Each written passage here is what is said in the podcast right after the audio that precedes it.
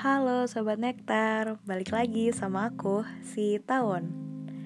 Malam ini aku pengen sharing uh, tentang pengalaman aku mengawali tahun 2020 ini Dengan beberapa kesedihan dan apa hikmahnya dibalik itu juga gimana cara aku menyembuhkannya. Apa sih kok menyembuhkan? Apa ya namanya ya? Kayak ya semacam solusinya ya menyelesaikan. Walaupun kalau dipikir-pikir kayaknya belum selesai sih tapi aku udah nemu hikmah kecilnya aja dan pengen aku sharing aja ke kalian semua.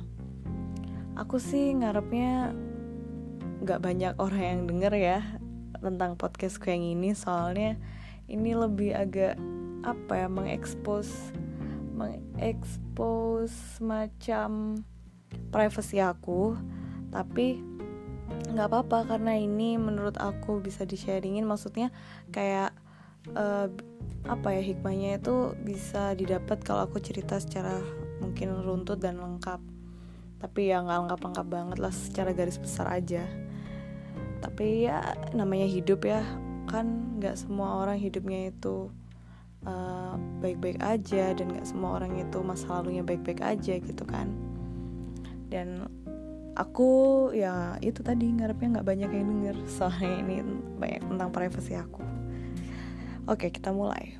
Jadi pertama-tama di awal tahun 2020 ini uh, ya nggak usah nggak usah uh, gimana gimana awal banget tanggal satu aja. Tanggal satu dua tiga itu aku udah kayak udah ngalamin apa namanya hitungannya hal berat. Karena aku udah mulai magang kan.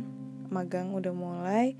Terus habis itu di tengah-tengah magang di kantor magang itu aku diputusin tuh sama pacar aku.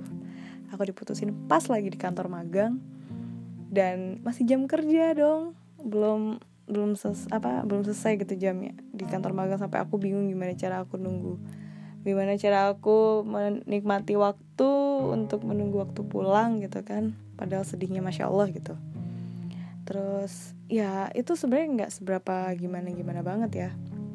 Karena apa namanya kita ketemu orang juga datang dan pergi gitu kan. Nah terus uh, cuma emang wak waktu itu aku putus terus habis itu aku ngerasa itu agak ngedistrak permaganganku gitu kan. Kayak aku jadi kurang fokus di magang. Akhirnya aku ngambil keputusan buat healing. Healing ke Jakarta. Salah sih emang harusnya healingnya tuh bukan ke tempat yang crowded kayak Jakarta gitu ya. Tapi karena di Jakarta itu ada keluargaku ada keluargaku banyak di sana ya udah aku ke sana. Dan awalnya aku emang bener-bener emang aku dari awal niatnya healing terus habis itu aku ketemu saudara-saudara sama silaturahmi terus jalan-jalan ya lumayan lah terobati. Terus habis itu pikiran aku juga lumayan kebuka dikit-dikit gitu kan. Tapi di tengah-tengah aku healing aku dapat kabar. Aku dapat kabar buruk tentang keluarga aku di rumah. Keluarga aku di rumah itu lagi ngalamin ya semacam perpecahan gitulah ya. Kayak semacam perpecahan terus ya ada apa namanya dikasih tahu langsung dari keluarga aku kalau ada apa sebutannya ya bau-bau ada akan ada perpisahan gitu kan di keluarga aku. Itu bener-bener bikin aku shock banget karena itu tandanya aku ngalamin perpisahan dalam keluarga yang kedua kali. Dulu aku udah pernah ngalamin itu waktu kecil dan sekarang aku ngalamin lagi. Anggaplah aku kehilangan kehilangan apa namanya sebuah inti keluarga itu dua kali dalam hidup aku. Lalu di itu masih di tengah-tengah healing itu. Healingku nggak jadi dong kayak wah berantakan aku saat itu. Nggak jadi healing niatnya healing niatnya sembuh tapi makin hancur gitu kan makin ambiar bukan ambil soal udah nggak mikir lagi aku tuh urusan putus sama pacar nggak mikir lagi pikirannya udah ke keluarga. Uh, terus jalan yang aku ambil salah sih karena waktu itu aku bener-bener ngabisin waktu maksudnya apa namanya ngeluapin kesedihanku dengan cara yang salah cara yang buruk lah istilahnya. Terus kalau dipikir-pikir ya harusnya nggak kayak gitu sih yang aku lakuin. Tapi ternyata itu yang aku lakukan. Ya udah nggak apa-apa. Terus akhirnya aku balik ke Surabaya. Aku balik ke Surabaya terus kayak masih apa namanya aku harus nguatin diri sih. Kayak pokoknya aku di Jakarta udah harus selesai. Maksudnya kesedihanku tuh udah selesai. Gak boleh kesedihan itu aku balik aku bawa lagi ke Surabaya. Karena di Surabaya posisiku aku harus nguatin keluarga aku keluarga aku lagi butuh aku. Di situ bukan aku yang paling sedih. Ada ada yang lebih sedih lagi karena mengalami juga dua kali selain aku dan ada juga yang baru mengalami pertama kali dalam hidupnya dia gitu kan. Jadi aku harus jadi penguat dalam keluarga aku. Aku nggak boleh sedih. Terus uh, aku ya sebenarnya kayak yang bikin paling apa ya kayak waktu itu waktu aku apa namanya udah di, di bis kan aku naik bis. Aku tuh selama aku apa namanya huru hara pas pas aku ngeluapin sedihku itu aku nggak sampai nangis. Aku nggak bisa nangis di saat itu. Aku baru bisa nangis bener-bener mikir itu waktu di bis perjalanan ke Surabaya. Tenang itu belum sampai Surabaya kok. Jadi masih ya masih bisa lah dipegang omonganku kalau aku nggak boleh bawa kesedihan ke Surabaya. Di bis aku mikir sedih banget gitu kan kalau dilihat-lihat kalau dikira-kira uh, bener-bener aku ditinggalin orang yang sekiranya bagi aku itu penting. Bahkan di saat aku magang bahkan dia juga nggak tahu kondisi aku tuh kayak gimana waktu dia ninggalin aku. Dia nggak tahu keluargaku waktu itu udah berantakan saat itu cuma aku nggak cerita ke dia dan ya nggak ada yang tahu gitu kan. Terus eh tiba-tiba ada kayak gini. Itu baru kalau kata sahabat aku tuh baru 13 hari di 2020 hidupmu kok sedih banget sih gitu kan. Ya ya gimana ya? Tapi ya itu hidup. Dan aku kayak bener-bener tak rasain semua waktu itu. Gila ya jahat banget ya aku ditinggal pas lagi kayak gini-gini ya terus habis itu keluarga aku bisa banget niat mau kayak gini gitu kan. Maksudnya kok bisa ada perpisahan di keluarga aku di saat kayak gini gitu kan? Terus aku udah bayangin ya apa lebaran nanti nggak nggak kumpul atau gimana? Semuanya udah bakal berubah bener-bener berubah total. Kaget gitu rasanya. Terus habis itu apa namanya semester apa semester ini tahun ini juga bakal banyak kesibukan gitu kan bisa apa ya KKN segala macam. Itu tahun ini tuh tahun yang berat buat angkatan 17 yang pasti itu. Dan aku juga ngalamin berat itu udah dari awal dan ini semua berubah bakal ngerubah hidupku ke depannya. Bertahun-tahun ke depan hidupku bakal berubah dari sini. Tapi apa namanya aku sampai sampai saat itu aku masih nggak ngerti kenapa harus gini banget. Aku kaget setengah mati gitu kan aku harus gimana? Aku nggak tahu. Terus aku apa namanya? Kayak nggak ada hal positif yang bisa aku temuin dari situ gitu kan. Sampai udah aku di Surabaya di Surabaya itu aku uh, apa namanya? Ditambah lagi kayak tiba-tiba uh, mamaku ada ada crash gitu sama pembantu aku terus pembantu aku dipecat. Akhirnya kan aku kita harus beres-beres beres-beres sendiri dulu sementara gitu. Selama nggak ada selama belum nemu ART baru gitu kan. Ya udah kayak aduh capek aja gitu rasanya. Aku tuh kayak sempet mikir aja gitu. Ya masih mikir kayak oh, ya wes lah kayak gini banget tapi ya udahlah jalani aja gitu kan. Pikirku jalani aja jalani aja. Ya udah terus habis itu hmm, aku apa namanya uh, ketemu sama teman-teman aku teman kayak teman-teman yang dari luar kota lagi pada kumpul gitu kan lagi pada pulang liburan terus ketemu teman-teman itu lumayan menghibur. Terus ya udah habis itu aku apa namanya hari ini pun aku habis nonton tuh film NKCTHI Tuh makasih banget buat Mbak Marcella dan Mas Kunto Aji dan siapa pun yang berkecimpung dalam film itu tuh filmnya bagus banget.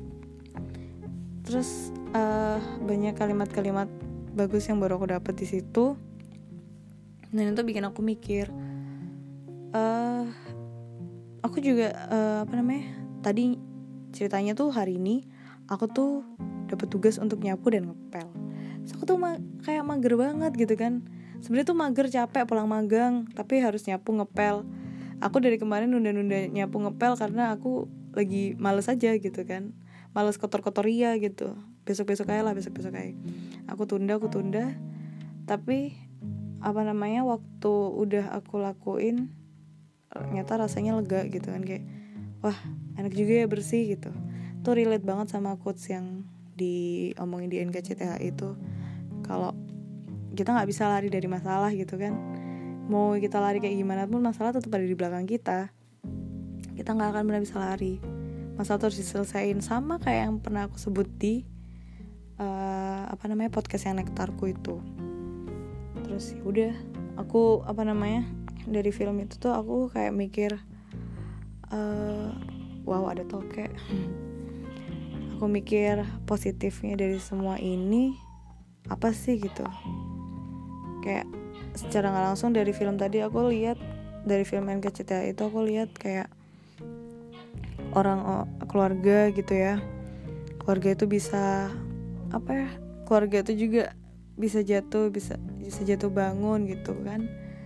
Terus di situ juga aku lihat ada ada sosok ada sosok pasangan yang emang mereka tuh saling saling membantu satu sama lain ada juga dalam keluarga itu bapak ibunya benar-benar saling apa namanya ya saling mendukung satu sama lain terus yang satu ada masalah dibantu supaya menyelesaikan dan segala macam itu. Terus aku langsung mikir aja sebenarnya aku punya masalah kayak gini teman-teman aku ada sih yang masih stay sama aku bener-bener nemenin aku terus nenangin aku. Gak banyak emang cuma dikit tapi bahkan ada gitu. Maksudnya masih ada orang-orang yang peduli sama aku. Masih ada orang-orang yang mau nemenin aku di saat aku lagi jatuh-jatuhnya. Bahkan kalau aku pikir aku di diketemuin ditunjukin gitu kan siapa orang-orang yang emang dia ada saat aku lagi jatuh dia bisa nemenin aku dan nggak pernah pergi ada teman-teman aku yang kayak gitu. Terus aku ya belajar lagi gitu kayak ngelihat hidup aku begini tapi ada hikmahnya begini gitu. Sebenarnya kayak muluk-muluk banget sih aku ngomong. Iya aku bingung. Karena ya ini cuma hikmah kecil aja yang baru aku dapetin hari ini. Aku intinya bersyukur banget sama teman-teman aku. Dan siapa pun itu yang sekarang masih ada di hidup aku dan lagi sama aku. Makasih banyak buat kalian semua. Dan buat apa namanya?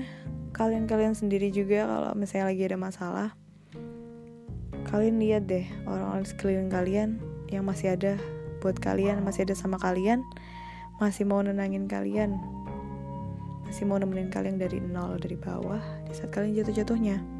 Ada keluarga, ada teman mungkin yang punya pasangan-pasangan yang bahkan bisa nemenin itu udah syukur alhamdulillah banget gitu kan. Karena kalau yang aku lihat apa ya orang yang nemenin kita berproses tuh ternyata penting banget. Aku nggak dulu aku mikirnya iya penting tapi ya apa ya standar aja gitu. Dan sekarang aku bener-bener mikir kayak iya mereka tuh penting banget. Aku nih kayak udah nem, saya ngeliat teman-teman aku yang benar-benar ada di saat aku lagi kayak gini mereka nguatin aku itu nggak akan aku lupain. Yang meluk aku di saat aku lagi nangis aku nggak ngelupain.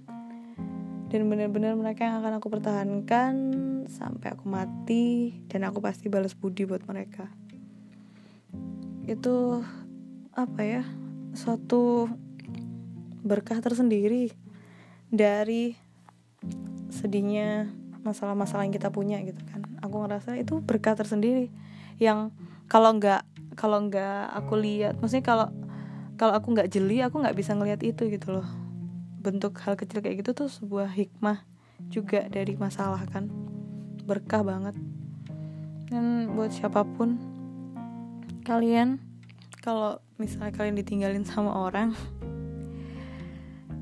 ya udah kalian jangan sedih karena orang yang ninggalin kalian itu emang bukan yang terbaik buat kalian. Apalagi misalnya ya mereka ninggalin kalian pas lagi jatuh-jatuhnya. Udahlah kalian jangan sedih. Bener deh aku sedih di awal nggak ada guna rasanya. Kan habis itu Tuhan mempertemukan aku sama orang-orang yang lebih baik. Tuhan pertemuin aku sama orang-orang yang bener-bener udah peduli sama aku dari lama tapi nggak pernah aku lihat atau gimana gitu. Ada orang di sekeliling kamu yang lebih peduli sama kamu daripada yang kamu anggap penting itu. Itu hikmah tersendiri sih. Ya kayaknya sejauh ini itu dulu aja deh yang aku sharingin di sini karena udah 16 menit. Siapa yang mau dengerin segini lama gitu kan? Ya nggak apa-apa kalau kalian dengerin ya. Maaf kalau aku bulet-bulet dari tadi gitu kan. Karena emang ya gini nih nggak pakai skrip ya udah deh udah malam juga kalian tidur yang nyenyak ya. Selamat malam sobat nektar.